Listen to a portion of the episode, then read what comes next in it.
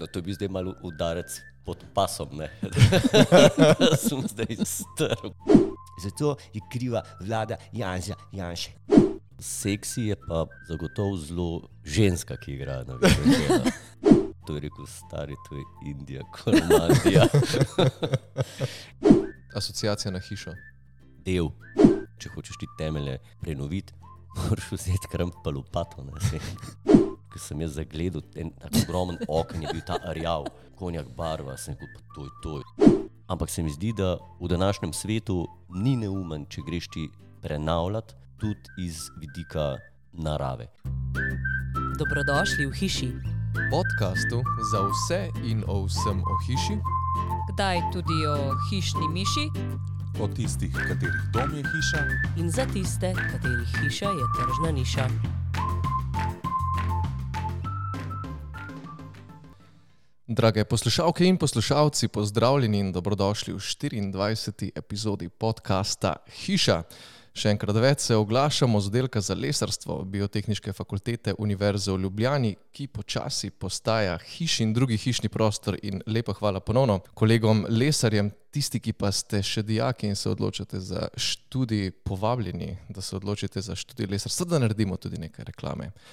Z vami sva Barbara Šubic, In Aleš Ugošek, z nama v studiu pa pravi fant od Brezoške fare, Tilen Artač. Tilen, dobrodošel v hiši. Dobar dan, živijo, hvala za povabilo. Kako si Tilen? Super, odlično, odlično. A si fant od Brezoške fare? Od Brezoške fare sem pa od Lukovške občine. Moja hiša je uh, v, Lu- oziroma na Lukovici pri Brezovici. Ne? A, Tu je zraven Brezovce, ampak občina je pa Lok Dragomer. Ok, ampak fara je pa, Fara je pa Brezovška. to Pa ja. fara je pa Brezoška. Tako. No in s Tilnom bomo danes tudi nekaj o Brezovci spregovorili, sicer pa bomo govorili o glasbi, nekaj o violončelu, o imitaciji, satiri, javnem nastopanju, novi sezoni televizijske oddaje, kaj dogaja in še posebej o Tilnovih osebnih izkušnjah s prenovo hiše.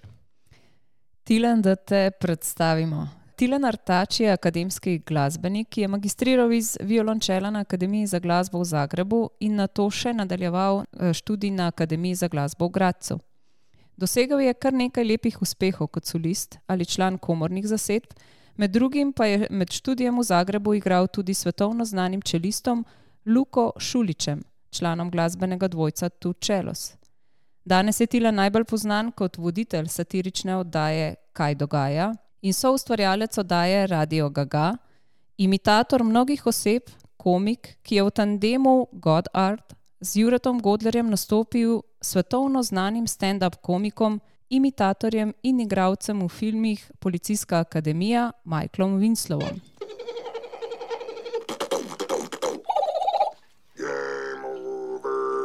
Je zmagovalec tretje sezone oddaje Znan obraz ima svoj glas, prejemnik Ješkove nagrade leta 2012, sinhronizira tudi risanke, moderira javne dogodke in še kaj. Sicer pa je Tilen tudi čisto navaden smrtnik žlahtnega letnika 1985, ki že okoli 25 let pritrkava v domačem zvoniku na Brezovici pri Ljubljani in še danes hodi po rokah. Tilena smo te v redu Mislim, predstavili. to ste tako lepo povedali, jaz, jaz lahko samo še umrem. Ne, Ne, to, ne, to bi to pa ne. škoda. Ne? To pa ne. Ne, ne, zelo lepo ste povedali, ja, zelo lepo tak, uh, povzetek, Povzetek. Moje, mojega, mojega dela. Ja. Zelo zgodaj sem začel in z, z glasbo sploh. Ne? In pa tudi uh, z, kot uh, komik, kot imitator z, v rosnih 17 letih. Bolj za zabavo. Se, se je ali kako za- absolutno. Za, za štos. Ta, tako je in še danes je to bolj kot ne zabava. A si delo kdaj analizo, kdo vse se je rodil leta 1985, razen tebe in mene? Um, ne, ne. E, Pa Jureta Godlerja, ne? ne Godler je 84. A on je letnik. 84, ja, ja, okej. eno leto uh, starejši. Cristiano Ronaldo. Cristiano Ronaldo. Ja. A, pa, n- n- nisem- nisem brez šolca. Ne, ne, tudi, Drugače bi se ga spomnil. ne, ko človek pomisli, to so že stari ljudje. a Ne? Ja, ne vem. Ja. Ja. Pa prav tam. Me, Mislim, me, men kar Ronaldo- mlada. Ja, ne, ja, mi dva, ne, za, za najne poklice, ampak Aha. Cristiano Ronaldo je pa star, on je že v penzijo. No, to bil zdaj malo udarec pod pasom. ne. sem zdaj strl, prosim, lepo. Ja, se lihto. Jaz se počutim. Starost je subjektivna. Ja, Sam je, točno. ampak veš kaj pa pri meni zelo zanimivo. Jaz čim starejši sem, se mi zdi bolj mi je jasen pač svet, eh, ljudje, družba. Tako da jaz se pa na nek način se veselim starosti, oziroma mi je, mi je ok, vsako leto mi je tako bolj, se mi zdi bolj sem miren. Ker, Ja, mi je bolj, ker mi je bolj jasno Ja. yeah. vse. Tako da ne vem, če bi zdaj pri 20-ih tako razmišljal, kot zdaj razmišljam, ful bolj v izi bi šlo. No. Uh, skozi ne bi bilo toliko teh nekih uh, v življenju nekih turbulenc. Tako da se zelo veselim staranja. Ne. Ja, eni, eni se zelo bi radi vrnili v srednješolska leta ali pa v osnovnošolska leta. S tem mišljenjem, ko ga imajo. Ne, Ali pač tako, da bi ponovili, Ne, kaj je bilo tako ne. pestro. Au, Jaz tudi ne. Sam, sam šole ne, sam puste me na mer. Sam ne, šolova nisem rad hodil, priznam. Je pa, je pa to dobro, kar si omenil. Ali je želja, da bi se z zdajšnjim znanjem, izkušnjami in razmišljanjem vrnil nazaj v srednje šolska leta? Po mojem, mislim, Ma jaz se ne bi. Kaj? Mislim, jaz, če bi Bil šel bi z- prepameten. Jaz, mislim, jaz, bi Premoder. se, jaz, bi se zelo, ja, jaz bi se zelo zabaval, po mojem, smejal bi se, mislim, vse bi mi bilo zelo smešno. No. Ampak takrat, ko si pa mlad, ne, pa drugače to dojemaš. Ne, tako da. A misliš, da te ne bi izločili iz družbe? Ja, se jih to vse ne bi pasalo. Saj noter. so me. Ja, lahko poveš, na kak način so te izločili iz družbe. Ne, nisem, me. Mislim, mene je tako v srednji šoli, oziroma od gimnazije, na glasbeno gimnazijo sem hodil. Mene je takrat glasba zanimala večinoma. Ne. Mi smo še ostale predmete, ampak to me sploh nikaj dal zanimalo. Mene je zanimal violončelo. Pa sem šel, v bistvu že s 17 leti sem šel na akademijo uh, za glasbo v Zagreb. Tako da sem bil zelo, zelo not v glasbi, tudi, uh, mislim, plan sem imel, no, da se bom v življenju samo z glasbo ukvarjal. Ampak potem je pa čist, bom rekel, spontano prišla neka situacija, prilika, da sem z Godlerjem šel na, eh, na stop na televizijo Slovenijo v pet minut slave. To je bila eh, rubrika v oddaji tistega lepega popoldneva, še Anja Ja, Križnik, Tomaž ja. Pelado Bizovičar sta takrat vodila. In pa smo se snem, eh, mislim, eh, srečali tam s Sašom Hribarjem in se je pol začelo nekako to naše sodelovanje, ki pa traja še danes. ne. Tako da dejansko sem v Radiu Gaga zdaj že, mislim, da 19 let. Ja, in kaj so bili pa prej tisti začetki, ki si rekel, da zbali iz štosa začel imitirati, pa što se pokat? Mislim, bil sem prej fan oddaje Radio Gaga. Uh Mhm. -huh. Zelo sem bil, mislim, občudoval sem Saša Hribarja, vse njegove velike, vse njegove imitacije, tako da sem v bistvu začel kot mlad imitirati vse te njegove imitacije, njegove like. Ko sem prišel v Radio Gaga, je Saša rekel, da te like jaz imam, so zelo dobri, tako da moraš naštudirati svoje like. In to pa je bilo pri meni eh, očitno, ker sem, sem od otroštva vadil violončelo in je bilo to eh, en tak red, pa disciplino sem imel. Ne. In sem pa zelo hitro poštekal, da dejansko moram ful svojih imitacij narediti, če hočem izdelati te stvari. Ker dosti imitatorjev v Sloveniji, ki imitirajo imitacije, ki jih mi ustvarjamo, recimo v Radio Gagane. Uh, jaz sem pa pač takrat poštekal, da dejansko moram svoje like narediti in sem jih naredil. Jaz sem naredil v enem mesecu vem, že na pet likov zihar, pol, pol leta sem jih imel že deset. Ne. Tako da sem me to zmer zanimalo, nove like ustvarjati. Ne. In še zdaj, recimo, odaj kaj dogaja, skozi delamo na tem, da ustvarjamo nove like, nove like, da se, mislim, itek se ponavljamo, zato ker naredim v eni oddaji ne vem, pet likov različnih, recimo. Valjda se potem ponavljajo, ne morem z tedna v teden narediti pet likov, ampak skozi pa delamo na tem, da se dela nove like, da se gre naprej, ne, da ne sedimo na, stali, na starih eh, lovorikah. Ne. Ja, prej smo se z Alešem pogovarjali, a so določene predispozicije, ki jih moraš imeti kot eh, človek, da lahko postaneš sploh imitator. Sigurno, mislim, Kaj je to? posluh je zelo pomemben, uh, moraš imeti pač smisel, talent za glas postaviti na pravo mesto, da boš dobil podoben glas, kot je pač ta uh, človek v originalu, ki ga želiš imitirati. ne. Tako da So to tehnike, s katerimi se da? tehnike, mislim, kasneje pa se navadiš, uh -huh. se zdaj po tolikih letih. Dejansko jih kdaj kašne like dajem, jih, jih provam skin kar po šablonah. Ne. Rečem, da ta, ta je ta, ta gre sem, ta gre sem in potem v bistvu mečkam barve spreminjam, pa dosti hitro lahko pridem uh, do nekega spodobnega uh, oziroma do neke približne imitacije. Se vedno ne morem dobro lika zadeti. ne. Tisti liki, ki sem jih res dobro, dobro zadev, jih imam že 19 let, pa že 19 let so aktualni, ki jih res dobro skinemo. Ne. Pač tisti, ki pa jih ne zadamem, jih najboljših, pa pač ne, ampak še vedno so uporabni, da se jih uporabi v sketchu, da jih imamo v, v oddajah in na televiziji in na radiju. ne. Kateri lik po tvojem najbolj skineš? Ene parih je, jaz mislim, da je Viš, zunanji minister, doktor Dimitri Rupel, potem je eden od prvih, Ki sem jih imel, je recimo lik eh, izjemnega nogometaša Zlatko Zahnoviča. Sigurno, sigurno, to sem pripričan, sto posto tako da. Potem je pa recimo lik, s katerim sem se mečkal mogel matrati na začetku, ker ga noben ni mogel in ga ni noben usvil, je pa bil lik prvega predsednika samostojne Slovenije, gospode Milan Kučan, tako da. Spoštovani Slovenki, spoštovani Slovenci, to pa je to za mm, v prvi vrsti. Tako. Tako da ti, recimo, te trije so mi zelo uh, blizu. Zdaj v zadnjem času, ko smo pa like delali, je pa eden res tih, tih bom rekel, ki je bil kar odmeven, oziroma opažen strani gledalk in gledalcev, recimo lik Luke Mesca. Zato, Ja, če sta si pa podobna. Ja, se sem jih hotel reči. Tukaj pa je pa ta plus, da sem mu pa res še podoben in to na televiziji pa res dobro zgleda. Da, pa, zelo zanimivo je, ker ga nisem dolg mogel, nekak, nisem se ga lotil. In so v redakciji, da kaj dogaja, so mi že rekli, da je mesec rabno, da je kvaj, kvaj rtačo, že naredil to ali ne boš. Ne, sem rekel, ja, bom, bom, bom. Ne, je potem bilo, eh, smo imeli pauze, eh, pauzo iz, eh, se pravi, pomladne, med pomladno in jesensko sezono, jaz sem imel časa ene dva meseca in mi je urednica prav rekla, da pa imaš dva meseca cajta, da ga pa pač naštudiri in jesen štartamo z mesecem. In so celo maskerke že lasuljo začele delati in so lasuljo naredile za meseca. In smo ga pa imeli, mislim, da v prvi ali drugi vdaji, smo ga dali na malo teraso jaz ga še vedno nisem na- študiral in se ga sploh lotil nisem, ker nisem, ne, nisem čutil. Ne. Pa je bil pa petek, ko petkih snemamo, ne, sem prišel na snemanje, smo mogli pa snemati, ne, jaz ga še zmeraj tudi provo ga nisem. In pa je bilo že tu malo, kva če ga nam zadev, ko bomo pol naredili, bomo brez male terase ali kaj. No, pa pol sem se pa oblekel, v tiste cune nagove, nek bovnim polover ali kaj mi bo nek rekelc, pa skratka snežametne hlače. Pa v maski sem bil, se spomnim prav, Igor Prečič je zraven mene tam uh, neki, uh, sedel, pa so nekaj debatirali, sem rekel, pa kako ne z tega mesta, spojma nimam, kam bi ga dal, ni, nima neki, da bi se op- oprijel, ne.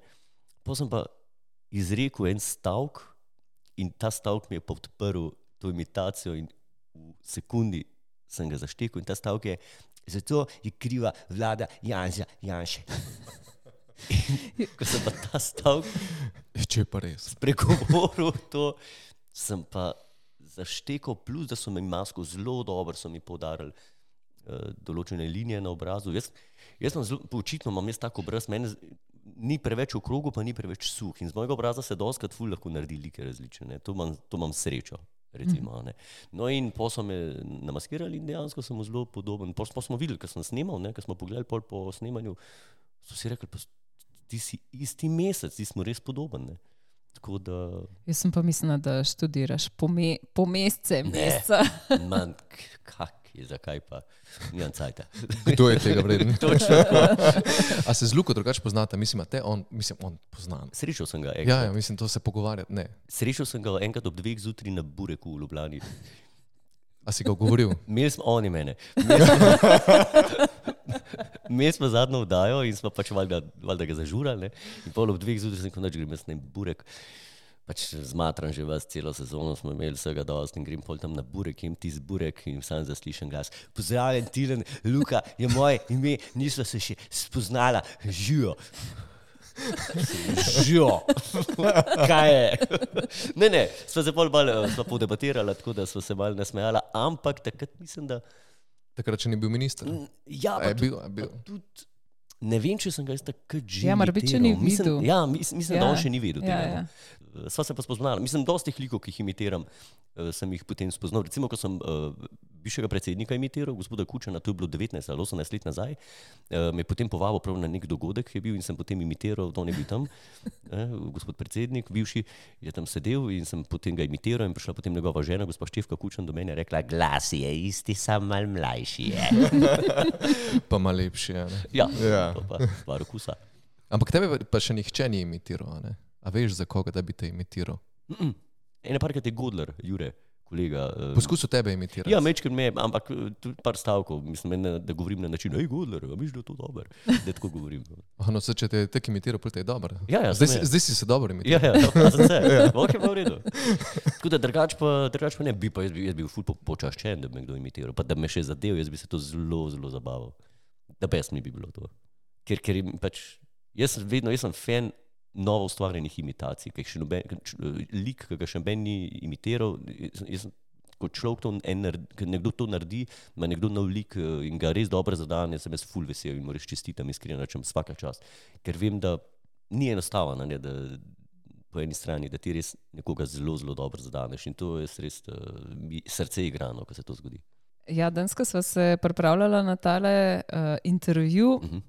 sva preposlušala kar nekaj že podkastov, pa intervjujev, pa to, kar si ti do zdaj že ustvaril. In je težko ti postaviti eno vprašanje, ki ti ga že, že ni, nihče ni. Vem. Ampak, Vem, Mislim, to je strašno težko. se Ja. strinjam. Ne, pa se skozi A veš, ko sem že mislila, da za res malo vprašanje, ko ga ni še noben, ne, evo, bam. Okay. ok, enega pa malo, no, Prosim. vsaj enega. Kje si bil to soboto ob devetih in kaj si počel? Se pravi, to je bilo dva dni nazaj. Čak soboto, moram pomisliti, kje sem bil. Nastop sem imel. Nastop si imel. Nastop sem imel v, na Jesenicah. Aha, in kaj si nastopil, kaj si imel? Bil je nek dogodek, praznovanje. Tako, ja. imitiral sem, ja. Ja. Se pravi, nisi bil za televizijo in gledal svoje oddaje. Ne. Posnamajo mojo v petek, jo pa vedno potem pol, uh, jo vedno pogledam. Aha, ja, Okej. preden gre, Ne, preden jo spustijo. to je itak, itak tam na snemanju vse Ja. ja. pogledamo, pa če vse štima. Ampak ko gre oddaja v eter, Pol kasneje pa jo, potem, jo Ja. ja. potem še enkrat pogledam na televiziji. Ja. Sem pač to je pa sestavni del mojega poklica in moram to narediti, zato da vidim, je v redu, kaj se da boš narediti, kaj recimo bi mogel ne vem, drugače zapeljati, oziroma pač kot voditelj, kako bi mogel, ne vem, mogoče kdaj kaj boljš interpretirati, kakorkoli, no, ampak to vedno pogledam. Ja. A se smejiš sam sebi? Mislim, jaz načeloma se ne smejim tako zelo, ampak če pa kaj res dobro naredim, da, da je res ne, ali- oziroma naredimo skupaj z ekipo nekaj res dobrega, pa da če jaz to rečem, oziroma če to interpretiram, se temu smejim. Ja. Če res nekaj dobro rečem, wow, super, to, to pa je dobro, prav. In sem vesel tega. Ne. Nisem pa tisti, da bi, da, bi, da bi se pa skozi pač gledal, pač gledam se iz službene dolžnosti, ali kako se reče. En korak nazaj se sam vrnem Mhm. na glasbo. Eno vprašanje še vsem. Igraš violončelo. Ja. Jaz se zelo dobro spomnim enega filma, pa sem pozabil, kak je naslov, ampak v njem igrata igralka in igralec, on igralec je njen učitelj violončela, ona ga igra ne, in ona sred filma enkrat izreče, pa pove, da je violončelo najbolj seksi inštrument. A je violončelo najbolj seksi inštrument ali je to saksofon? Violončelo ima zelo velik razpon. Ne, lahko igraš z njim zelo nizko, lahko igraš zelo visoko. Tako da to je ena velika, velika posebnost violončela. Violončelo je zelo, zvok violončela je zelo podoben zvoku oziroma človeškemu glasu. Zvok violončela je zelo, zelo, zelo naraven. Bistveno bolj recimo kot saksofon, se mi zdi. Ne. Tako da seksi je pa zagotovo zelo ženska, ki igra na violončelu. Ne. Tako da ne bi se zdaj preveč z violončelom ukvarjali. Dobro, violončelo ima seksi obliko, ne? ja, se Ja, strinjam. a ne. definitivno, ne. Ja, če, če, Ženska, mislim, ženska igra violončelo, dobro zgleda lahko. ne. Hvala, tu si me rešil enega dodatnega vprašanja. Odgovoril si. Ja, Ja, ali bolje zgleda inštrument ali tista, ki ga igra. zagotovo tista, ki igra. Kaj pa zvonovi?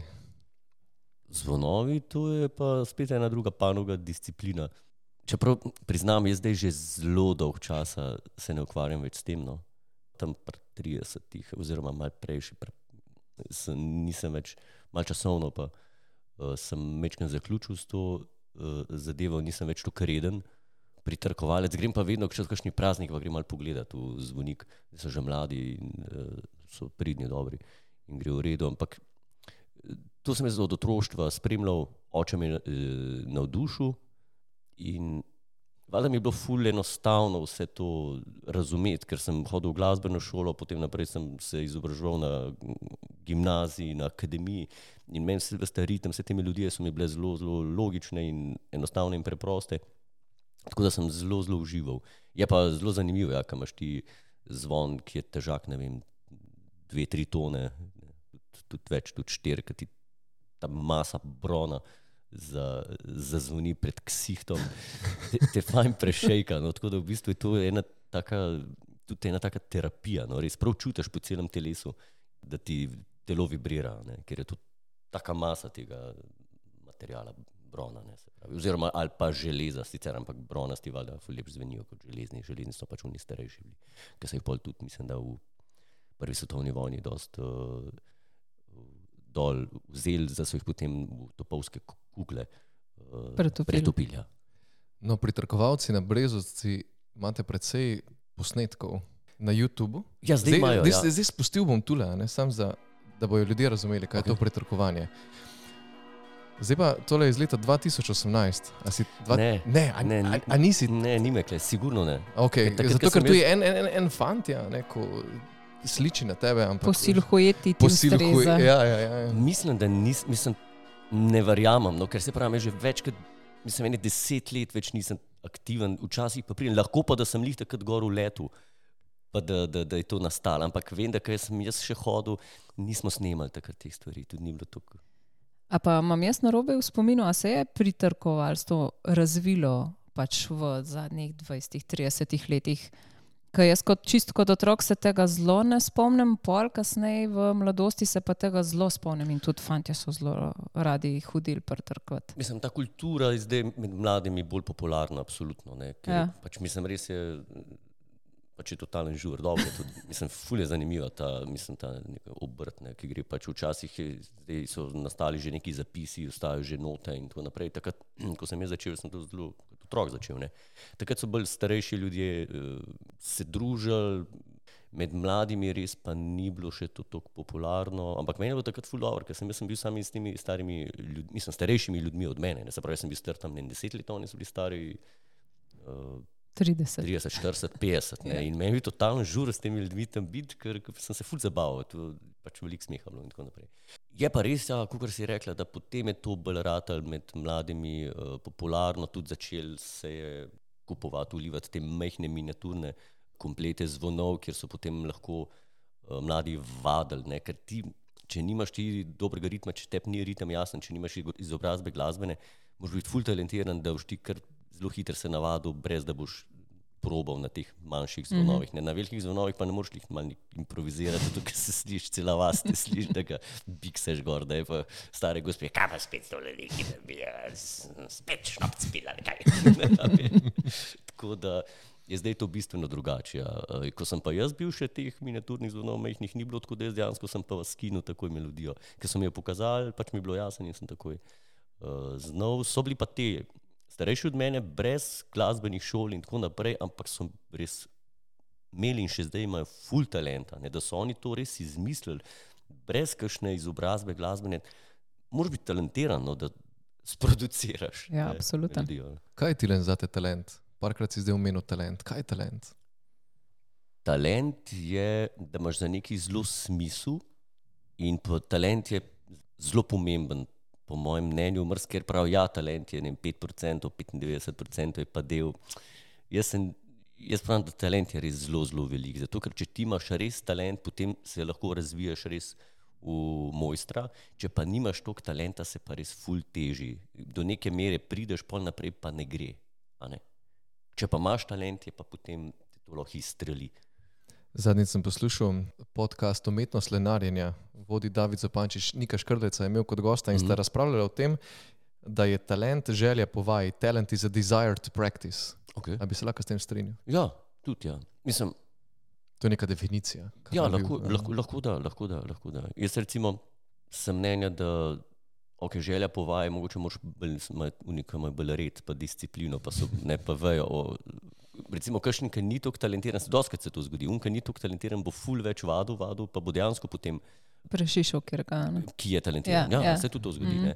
Ampak se mi zdi, da, pač, da si res, res v eni stvari dober, moraš imeti v osnovi, moraš imeti talent. Če ga nimaš, ne bo šlo. Ne. Kot smo Ronalda omenili na začetku. Ne. Sej je on, to je splošno znano, da je full trenira, ne, če se ne motim, ne, da full trenira, da skozi, trening, trening, kondicija in tako naprej. Ampak če on ne bi imel tazga talenta, kot ga ima, ne bi bil pač najboljši nogometaš na svetu, poleg ostalih treh, ne, ki so. Ne.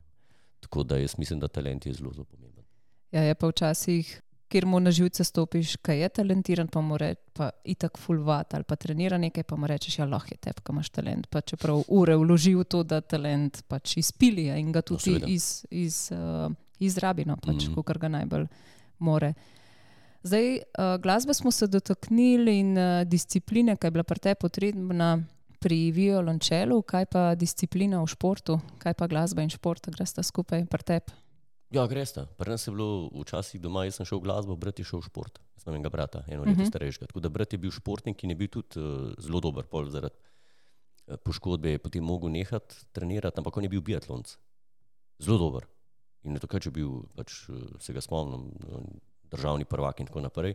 In je bil zelo, zelo uspešen.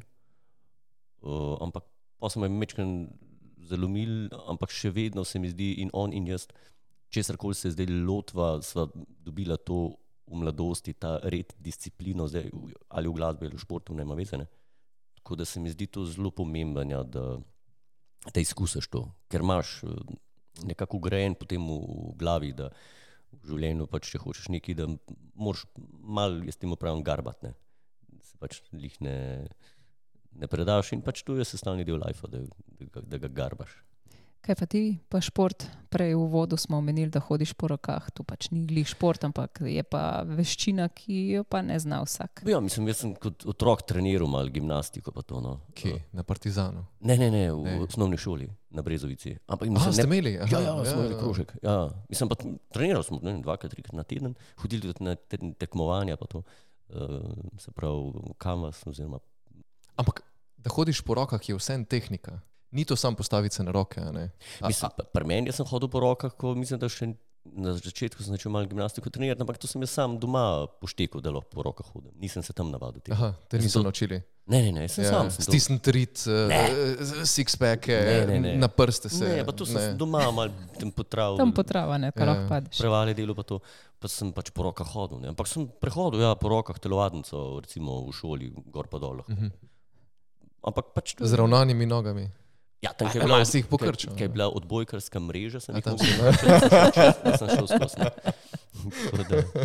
Tako da, ne, ne, mislim, šport, eh, šport pa glasba je vedno bila. Pri nas doma, ne, še zmer- zmeraj v familiji, pač eh, nas to zanima. Ne. Moj brat, recimo, ima zdaj ima, uh, otroke, ta najstarejši trenira smučarske skoke, pa tako naprej. Pa te še sestrca njegova isto začela, ne, tako da imam nečaka, pa nečakinjo, ki trenirata smučarske skoke. Tako da smo taki bolj športna familija. Ne. Tako da rodov pa kakšen. Šel kdaj na olimpijado, je, ja, se, sem se pogovarjal s vsakim, da se pa to zgodi, pa gotovo. Ne, ne nehamo nazdravljati do konca lajfa, po moje. Ne, ne zanima šport. Prvi nas je bil vedno šport, se pravi, šport pa muska skozi. Šport, pa muska, pa disciplina. Kaj pa, kaj pa glasba, pa avti? A gre to skupaj? Pa imaš ti en, en avto, Peugeot 3008, a ga imaš še? Ne. To smo videli, to smo videli, tako nimaš več. Ja. Kje, kje, Ja, zdaj, ko si se ja, pa, pripeljal kje ste pa slišali, da sem imel ta avto? pri Urankarju. A veš, z A Davidom ja, sta se točno, pogovarjala o Peugeotu. Zgodba, ja, Ja, ja. 3008. Ne, žal, žal ne, ampak super, da best je bilo, imam zelo lepe spomine uh, na ta avto. A pol, ko si kupil nov avto, a si šel pogledat Top Gear, zdaj za res, kjer avto je pa zdaj tak, da ti ne bo bed? Ne, nisem šel. Oh, ne, okay, Ne, si. ne, ne. Ja, takrat je bila to res zanimiva zgodba. No, Kalih takrat so v Top Gearu naredili, uh, so posvetili oddajo Peugeotu. No. Ampak meni se je ta avto res dopadel, jaz sem, jaz sem se ful tega veselil, tega avta in pol je bil res tisti ponedeljek, pol, ko sem ga šel iskat, ki je, bil, ko je prišel v Slovenijo, imel je totalno zakon. Pa so pa oni naredili to oddajo in valjda pač, če tam itek skritizirajo, skoraj da ne vse avtomobile, razen če ni Rolls Royce. Pa, a ne. Ampak pa če se si to malo k srcu jemal, ne, pač šit, ko zakva, mislim, ni mi bilo jasno. Ne. Ampak ne, pol mi je bilo the best. Mislim, eh, lahko rečem, da je super avto. Me nikoli ni pustil na cedilu. Ampak zdaj pa nimaš več Peugeota. Kaj pa poslušaš v avtu, če se voziš, ko se A, voziš? Veliko različnih žanrov, različnih stilov, eh, od popa do klasike, itek. Elektronska glasba mi je zelo blizu. Naprimer, Vini viči. Vinivič. Ja. Ne poznaš? Ne, Če lahko zavrtim. dej. Čakaj. Vini viči, to je malo. Uh, mislim, elektronika mi je meni zelo. Se lahko poiščemo, da vidimo, kaj je Viniviči.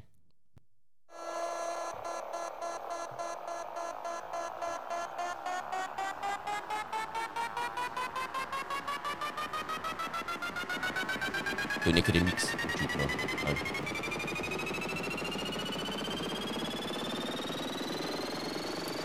Kaj te pretegne, prtej? Ne še, zdaj le bo. Aha, Zdaj. Ara bom še kaj to. Zdaj bi te mogli poslušalke in poslušalci videti. Ne, zdaj sem miren. čak sem to pomen, pol ambasada Gavioli je še špilala takrat, ste hodili? Ne, Mhm. ni bilo več to. Parkrat sem šel na, uh, pred korono na Ultro, pa to, na, v Split, ne? To je zelo blizu, glede Ja, na to, ja, na kakšen ja, ja. festival je. Tako da recimo to, pa enkrat smo šli pa v. Brata sem pelil na Fantovšno, jaz sem bil priča, ki se je poročil, sem ga pa pelil v, takrat je bila še Ukrajina na Krim, Kazantip. To je en festival. Si pel brata, ko se je poročil, si ga vzel, pa si ga pel na Krim. Predtem, ja, smo Aha, šli predtem na na Fantovščino, Na Fantovščino okay, smo ja. šli, ene, mislim, upal je iti, pa bi se smo šli štirje. Eh, da, oziroma, ena, dva- ja, štirje smo šli, ja. za en teden smo šli tja. O, moj In bog. nismo vedeli, nismo vedeli, kam sploh to gremo. Je sam Kazantip festival elektronske glasbe. In s kolegom, sosedom, ne, ki je tudi zelo dobro prijatelj z mojim bratom, sva se pogovarjala, enkrat en večer je bil ob pivu. In on je rekel, ja, mogla nekam pel, zdaj ne, Gašparja, moj brat ne, na, na Fantošno, pa je on v Google napisal najbolj odštekan plec na zemlji in je prvo ven vrgel Kazantip Ukrajina. In smo rekli, sem gremo. in smo šli pol na ta Kazantip, zdaj je Rusija to, ne. The best, ne. Še enega prijatelja imam, ki tudi pozna to. Pa sem ga vprašal, sem rekel, ja, ti poznaš ta kazantip? Rekel, ja, sem že slišal. Sem rekel, "Pa, a je to dobro ali kaj je to? Je rekel, stari, to je Indija, Kolumabija. A in ocena je bil dober, Ja, vrhunsko. no, takrat, takrat sem tam prišel, nisem vse mogel prijeti, ker sem si rekel, jo, kako, kako dobro lahko človek živi, pa pač ne moreš skozi tako živeti. Ne. ne, mislim, res ful poseben tak festival elektronske glasbe, res pridejo res dobri DJ-ji, ampak ni evropsko, pa to Amerika, dr- druga scena je čist. Ne. In, so, in je res ogromen, predstoji na plaži tam.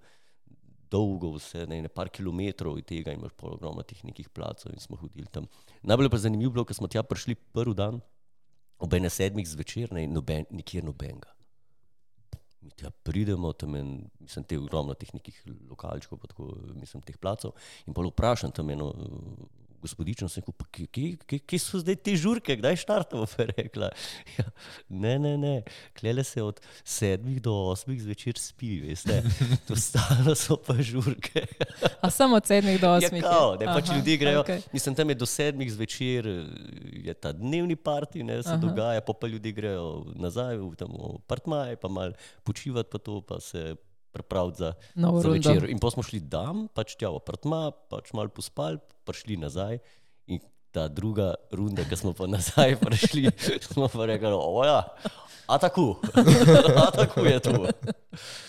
Tako da, ja. Zdaj mi je trdo zarezal, pa nas vrnil nazaj v Slovenijo. Ajde. Ja, nazaj k hiši. Asociacija na hišo. del.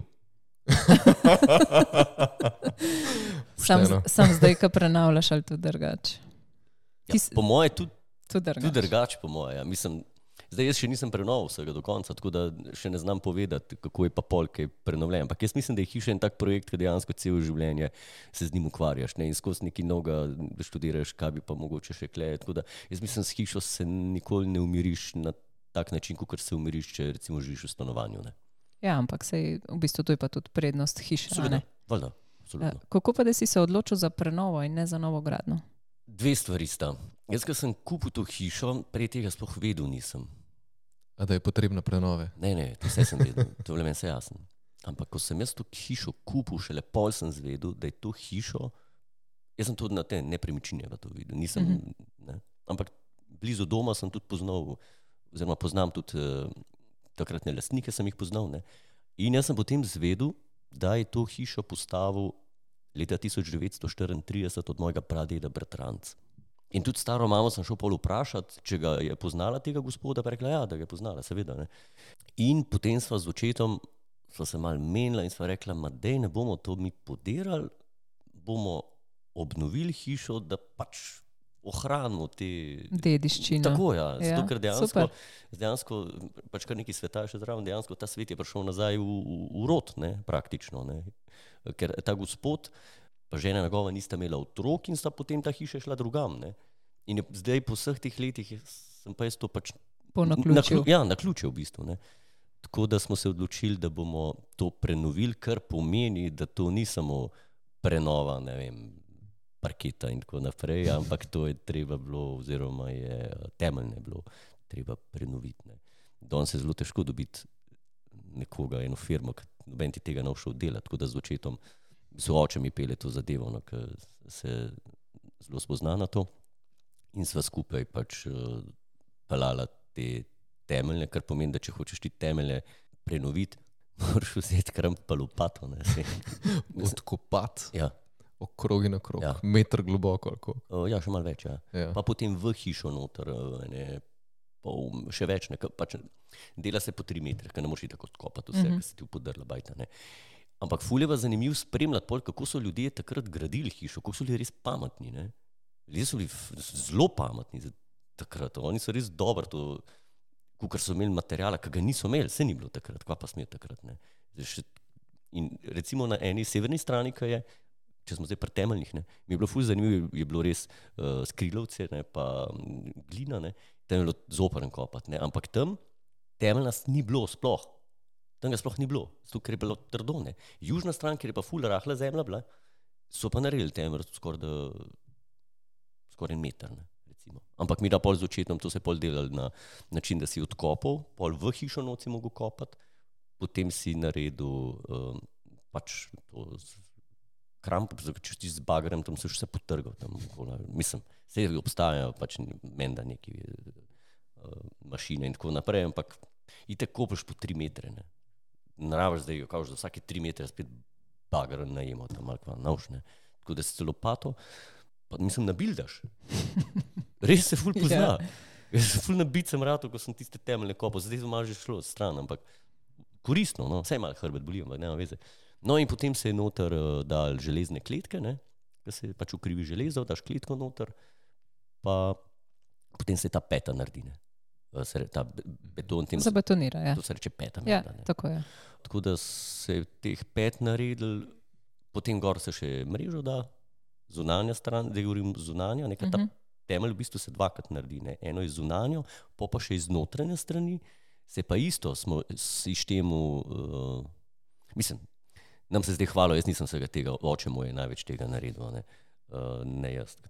Časa nisem imel, ampak kar sem pa imel, pač čas sem pa z veseljem to delo, je pa z notranje strani smo pa isto ven štemali, se pravi platoven, pobrali ven rizel, v vsakem prostoru bajti, pa zemljo ven, ene 40 Rizel.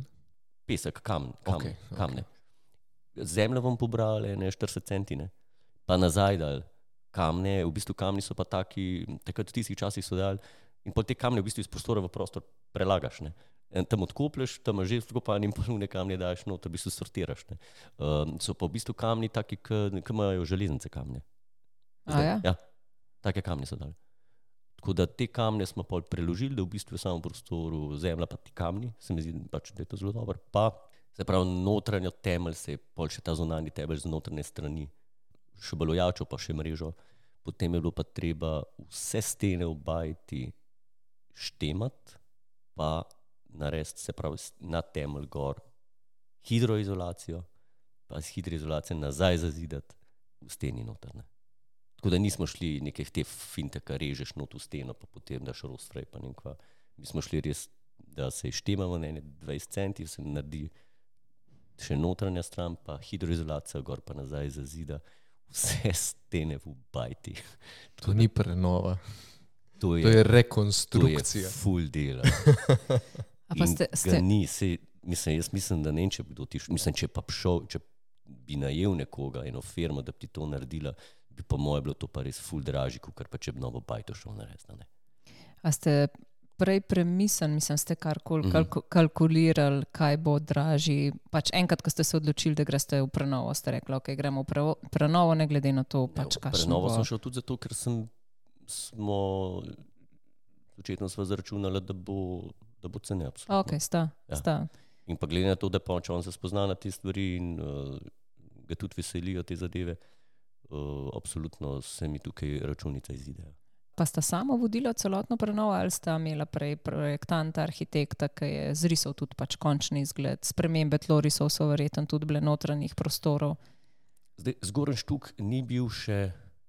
Jaz, sem, ko sem kupil bi- bivalno, je bil samo spodnji štuk, zgoren štuk ni bil še izdelan. Uh Mhm. -huh. Tako da zdaj sem zgoren štuk izdelal, ampak sem po svojem feelingu to naredil. Uh -huh. Uh, spodnji štuk pa nisem še dokončno sploh, uh, ampak se kakšnih hudih sprememb pač tudi uh, v štartu, kar je bilo, se meni to čisto dopadalo. Aha, Tako da okej. n- nisem čutil potrebe po nekih uh, hudih spremembah. No. Niste rabili prav podreti stene, pa da je ni več tam, kot je bila, pa Ne. galerije delali. pa tako. Ne, ne, gor, ne, se pravi, gor še ni bilo izdelano, gor je bil proz, prazen prostor. In v bistvu zgor, uh, v zgornjem prostoru imam tako uh, veliko dnevno sobo, kopalnico ena soba, pa spodnji štuk je pa potem kukarija, ampak zdaj se dela še, da se bo mečkan odprl, se pravi iz kuhinje v jedilnico, ne, da bom tam v bistvu malo odprl, da bo vse skupaj bolj uh, zadihal, ostalo pa itak, se tam je pol, pol imam zraven, imam dimnik, pojde krušna pečka, sicer mislim, da bom mogel to malo zamenjati. Ampak ti tako pa še, zakaj pa podiral, dimnik podaril, ne se ga ne. Mislim, pol enkrat, ko gledaš te stvari, pa ko razmišljaš, pa mogoče, ko ne delaš to zelo na hiter, ne, pa počasi delaš, priješ do spoznanja, da, da ni zdaj treba pa res nekaj rušiti, ker najprej si ti ful zdi, oj, kako bomo zdaj to spremenili, pa pa veš, pa ne, sej v bistvu čist dober narejen, sej z- z- zato pa rečem, ljudje včasih so bili zelo pametni in v redu so naredili. Ne. In tudi nisem, nisem kakšnih hudih, hudih sprememb naredil, da bi kaj preveč uh, rušil in tako naprej. Okna pač so mehko spremembe, ampak načeloma sem se pa kar držal, tako kot je bilo. No. Pač valjda sem pa, mena, mena se pa vse, ne. še plata se mena. Ne. V kateri fazi ste zdaj? Kar se tiče uh, hidroizolacije pod vsemi stenami, je v prejšnjem tednu, oziroma še ta teden je konc. In zdaj bo šlo ful hiter, vse. mislim, z bistveno hitrejš bo šlo vse. Ne? Ker zdaj je bilo res vse na, na očetu, ki je pač to delal. Uh, Ampak ko enkrat to, tega konca je pol bistveno lažje, ne? ker potem ti pa pač pridejo drugi, ki ti porihtajajo določene stvari. Ne? Ampak te temeljni, kar se tiče tega, to je pa bilo res. Kdaj računaš, da se boš uselil? Karkoli- Za božič Mene, tega se, mene leta. to skozi sprašuje in kadarkoli sem rekel, da se bom do takrat, se nisem. Tako da ne bom, okay. sem rekel, da ne govorim več, kdaj se bom Okej, vselil, ko, ne se bom- ko se bom, se bom. Zgoren štuk je pa že v bistvu poštiman, vseeno, sam še da se ne. Parket, ampak tudi najprej sem mislil, da bom najprej zgoren štuk, pa, pa, pa, pa sem videl, da je treba vse naenkrat. Pač, ker, Ne moreš se ne ločiti. Ja, ne moreš. Ne. Tako Da, ampak zgoren štuk je, je pa gotov. Zanimivo je, recimo, posem v zgornjem štuku, ki je bil dimnik. Sem ga potem obložil z starimi opekami, ki sem jih z očetom štemala iz uh, hleva od uh, mojih starih staršev, oziroma od njegovih staršev. Imam potem obložen ta dimnik s temi starimi 80 let opekami, tako da v bistvu je še ena taka uh, Zgodba. zgodba noter, ja, energija. Ja. Pa zdi se mi zelo pomembno, recimo, ko se prenavlja. Ne, tudi zaradi tega sem se mogoče malo odločil. Sem se pogovarjal s kolegi, ki se večkrat spoznajo tudi na, na bom rekel, kako človek dojema stvari. Ne, ko ti prenavljaš, pa če sam delaš veliko, daš ogromno neke svoje energije noter in ko je stvar prenovljena, je v bistvu tvoja energija že v prostorih noter. Ne, ne rabiš na novo vnašati neke energije, ker to se mi zdi traja. Ne. Če pa ti res prenoviš, da še temelje prenoviš, da vse vam pobereš, še zemljo ven daš, da dejansko svojo energijo skozi noter daš in se mi zdi, da potem je sam energy pač v, v hiši in v pač v okolici, ki si je dejansko tako že veliko tvojega noter, a ne, tako da se mi zdi to ok. A bi naredil zdaj karkoli drugače, kar si do zdaj? Mislim, da se zelo romantično se sliši, ko razlagaš. Spustil si glas, lepo, počasi si šel, zmeri počasneje, vse zgleda lepo, ampak verjetno si tudi kje kako napako naredil. Če bi naredil zdaj kaj drugače, Ja. absolutno bi šel na obajto narediti. Ja.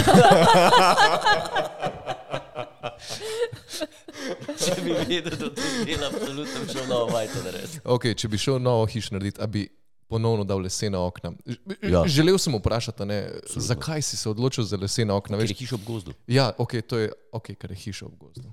Okay. Zato, ker, ker, vse so mi tudi priporočali, da bi ta dal noter les zunaj aluminij.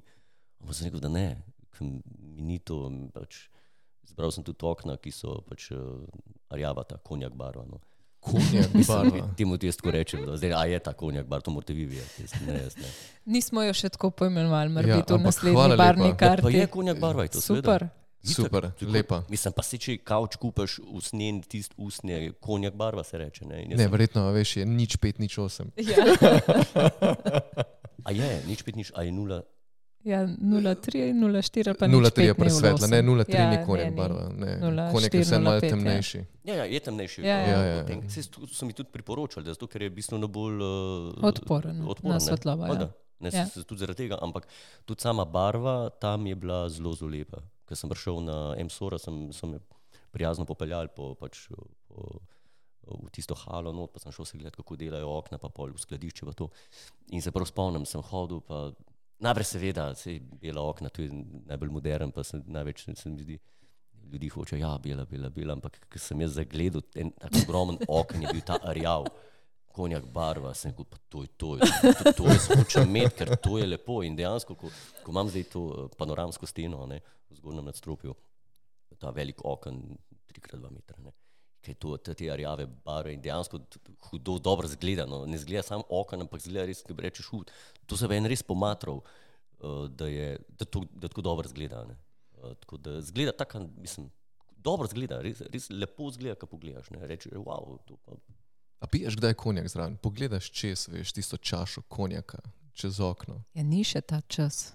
A ni še prišel O, ta je, čas? je. Je? Mislim, po koncu dneva veš, človek eh, utrujen, ampak vsem zadovoljen, ko je takrat pir šaflo. paše, pir paše. A pir paše. Ja, ja. najbolj, najbolj. Ne, super, super, da so lesena okna. Veš, mene dosti bolj skrbi a ne, pri, pri javnih objektih, ali pa kaj, zato ker sploh ne razmišlja več o oknih. Pri ministru me je zaskrbelo, da Tisoč poslušaš. in imamo končno cifro. Ne, predrago je, ne bo se šlo, nimamo toliko denarja. Kaj to? To so okna. Ne rabimo oken. Pač nima ljudje kaj ven gledati, pa itek bo mrzel zrak šel noter in to ne bo v redu, ker no izolacije, razumeš? Kako ne bo izolacija? Izolacija je to. Ne bo izolacije, ker sem ti jo zdaj le prečrtal. A što mene skrbi? Mislim, Ko na, naslednjič vidiš ministra, dej prosim, malo se pogovorno. ja, bo zdaj jih mene on poslušal, ne. Tako da jaz bi. Jaz bi Mislim, dal- predstavimo to zgodbo s konjak barvo Ne, in to je- okno 3x2 leseno ne, in to. to. To je drugi korak. Prvi korak je, da morajo ti ministri najprej malo temeljne kopati. Lepa. ne. Ja, da si se bo- zasluž pola. pol ne. si- Da on sploh šteka, zakaj tle gre. Mislim, tretja zadeva, ki pa še nisem povedal, pa eh, bi jo rad, zakaj sem je šel prenavljati hišo, tudi malo zaradi tega. No. Uh, Meni se zdi, valjda je danes najbolj enostavno, pa najdražji, podreti vse, pa novo bajto narediti, ki ti jo sestavijo v treh mesecih, ne, montažno, pa prideš, lidene na konč s taksijem pa s kufri, pa noter v hišo greš. Ne. Valjda lahko narediš. Ampak se mi zdi, da v današnjem svetu ni neumen, če greš ti prenavljati tudi iz vidika narave. Pa, mogoče se neumen sliši ali pa kdo rekel, da je zdaj tač pametuješ. Ampak meni se zdi v redu, lej, če je to postavljeno, če je to stal od leta 34, kdo zdaj meni začel pa razlagati, da se pa da je to podaril. Ja, če se do zdaj ni podaril, pa če sem jaz ojačal zadeve, ker jaz sem še v zgornjem štuku, se je potem v tistih časih še ni bilo, mislim, da uh, teh stebrov, kotih uh, betonskih, ne, to so pač cegu, cegu, pa cegu. tako. No, ampak je potem oče eh, je s takimi debelimi šraufi v bistvu povezal tramove, pa šraufe v kot dal, pa zabetoniral se potem te kote. Tako da mi smo v bistvu vsak kot ojačali še dodatno v zgornjem štuku, ne, ki ni bil še izdelan. Spodne, pa najbrž ne vem, po moje nekaj tudi pravijo. Pač, mislim, on, to smo se zelo pozanimali, ne, nismo tudi neki štemelj tam v tri krasne, valjda ne. ne. Tako da ni pa zdaj tudi tako dobro, ki si me vprašala, če koliko sten bom podaril, pa to pa tudi ne želim toliko sten podirati, mm -hmm. zato ker s tem pa res šibiš bajto, na sej pol preklade delaš, pom pa tret, pa gor, pa dol, pa tret, četrt, ampak meni se zdi, da pač če je bajt, da takrat pa pogledaš vem, gradove, pa vsi stoj, še danes stojijo, pa pač se jih obnavlja, meni se zdi to kul, cool, da ne greš zdaj tam podirati vse, pa nove bajte, a tisti je pa zdaj prav. Mislim, vse je vse, da be super, ne? ampak moj oče zmer prav, boš videl čez 20 ali pa 30 let nove bajte, kako bojo izgledale, poš pa še le vedel, a je to zdaj prav, kar se dela, ali ni.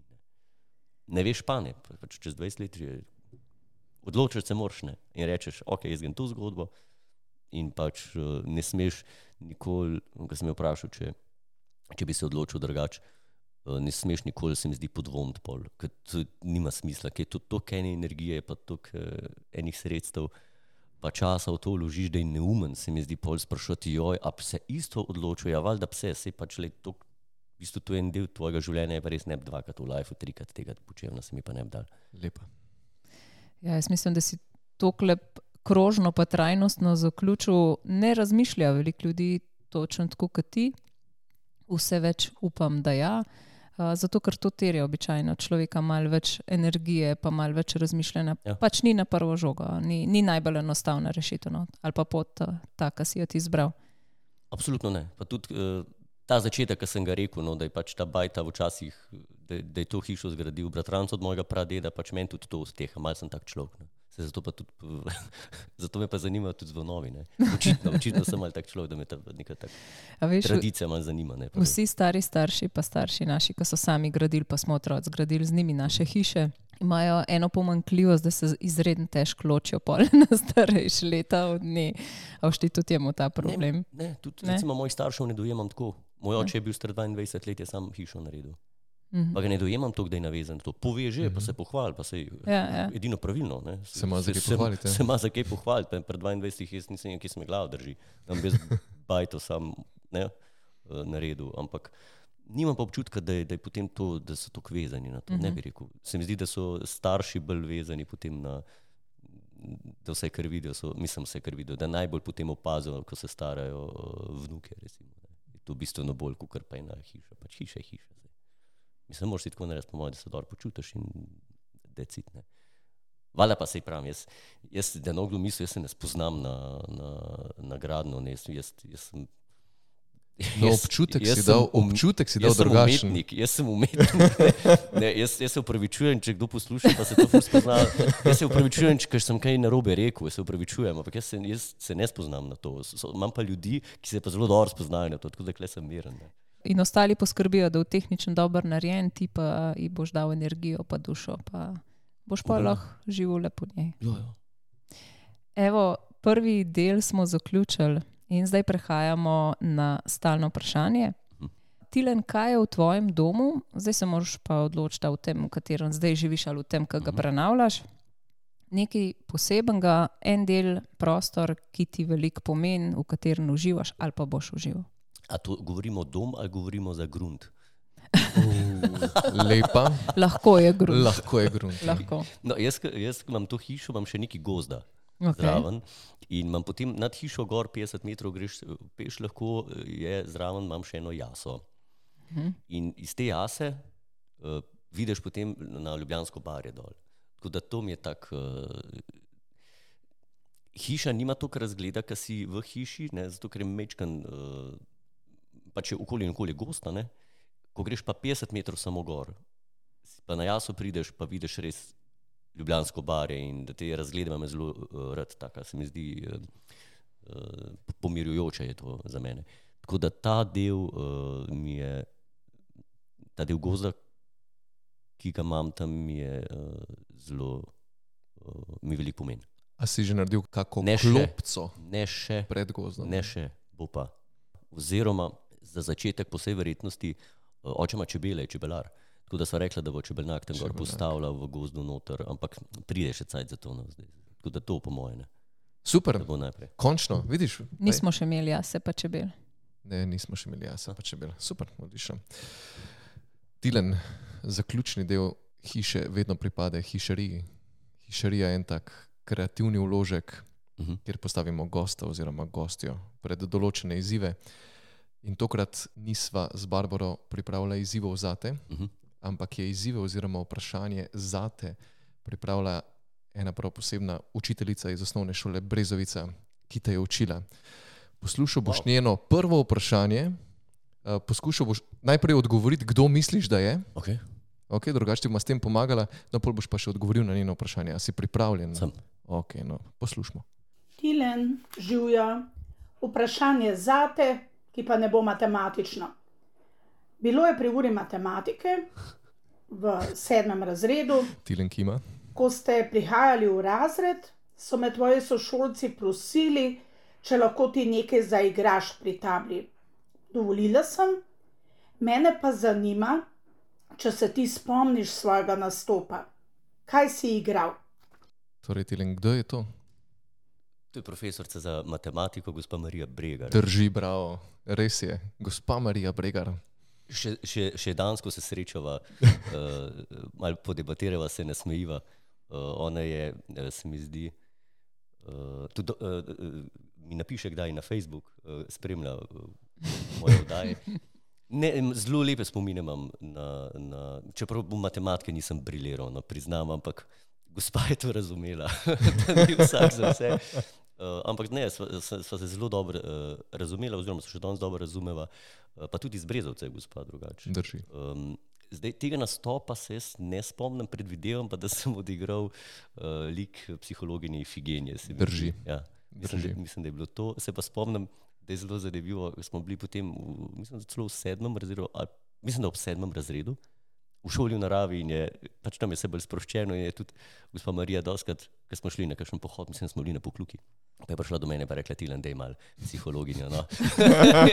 Tako da je bil to zelo popularen lik že takrat in uh, nastal je potem ta lik psihologinje Ifigenije. Ta gospa uh, je zdaj že v penziji sicer, je pa še vedno uh, in tudi uh, parkrat sva se srečala potem, ko je bila že uh, zelo prepoznavna v, v oddaji Hribar, ne, Ifigenija, in je rekla, gospa, ko sem jo srečal, enkrat sem bil potem na osnovni šoli Brezo, sem šel nastopati in je prišla do mene in rekla, še pozdravim kolegico Ifigenijo. Sem rekel, "O, gospa, že dolgo se nismo videli. Rekla, ja, jaz, jaz, jaz te vidim vsak teden, a ne, da si bil že od nekdaj zelo nadarjen. Da Ja, jaz imam zelo lepe spomine na osnovno šolo, res. Uh, se mi zdi, da zelo veliko se, se je dal na šport in jaz sem blazno užival v osnovni šoli, kar se tiče športa, kar se tiče ostalih predmetov, nek sem bil boljši, nek slabši, ampak se mi zdi, vse profesorice in profesori so bili zelo, zelo super. In vedno, ko so me poklicali na osnovno šolo, da sem kdaj prišel ne nastopati ali karkoli, sem z največjim veseljem se odzval. Gremo naprej, Tilen, da vidimo, kaj ti Marija postavlja kot A drugo. ja, še? Seveda. Ja, poslušaj, nisi še konec. A ja, ja. Kako to, da si se ti odločil za imitiranje gospe Majde, naše psihologinje? A si bil večkrat gost v njeni pisarni? No, zdaj smo pa pri tem, Mogo bi biti. Pa, um, pa so te razumele. z uh, gospo psihologinjo sva se mi zelo dobro zastopila. In ona je uh, imela zelo dober smisel za humor. Jaz sem se vedno mal šalil in ona je štikala ta, to šalo. Jaz sem doskrat mal do nje prišel, pa se mal z njo pogovarjal. Uh, in ona je, ona je zelo uh, razumela, po domač povedan, razumela je joke, štos. Ne. In uh, valjda, po mojem, ko otrok začuti nekoga, ki bo igral njegovo igro, ne, ona je igrala mojo igro, jaz sem prišel, pa sem igral neko igro, kao, ne. Sem se hodil nekaj z njo kao pogovarjati in ona je štikala, ne, in ona je padla not v to igro in meni se je to blazno dopadlo. Ne. Ona ni rekla, no, dej, dej, dej se zresen, ne, dej, pej v razred. Ona je igro. In igrala postala je tvoj glavni lik. Mislim, eno, z- mislim, ta lik je Vsaj po letih zelo, postažal. zelo, ja, zelo, zelo dolgo že na sceni. Ne. Ja. In bil tudi takrat zelo popularen. Jaz sem s tem likom dejansko v Dajih Hribar, cel politični vrh so bili pri meni, pri psihologi in sem jih pač res vse zabaval. Ampak na lep način. Ne. In tudi gospa Majda je enkrat rekla, jaz pričakujem, da gospa Ifigenija ne bo nikoli rekla um, nečesa, ne, ne, kar jaz recimo ne bi nikoli rekla. a Ne. Sem rekel, brez skrbi, gospa. A si jo kdaj razočaral? Mislim, da ne. Misliš, da so? Mislim, da ne. Saj ona je rekla, da je zelo zadovoljna. Okay.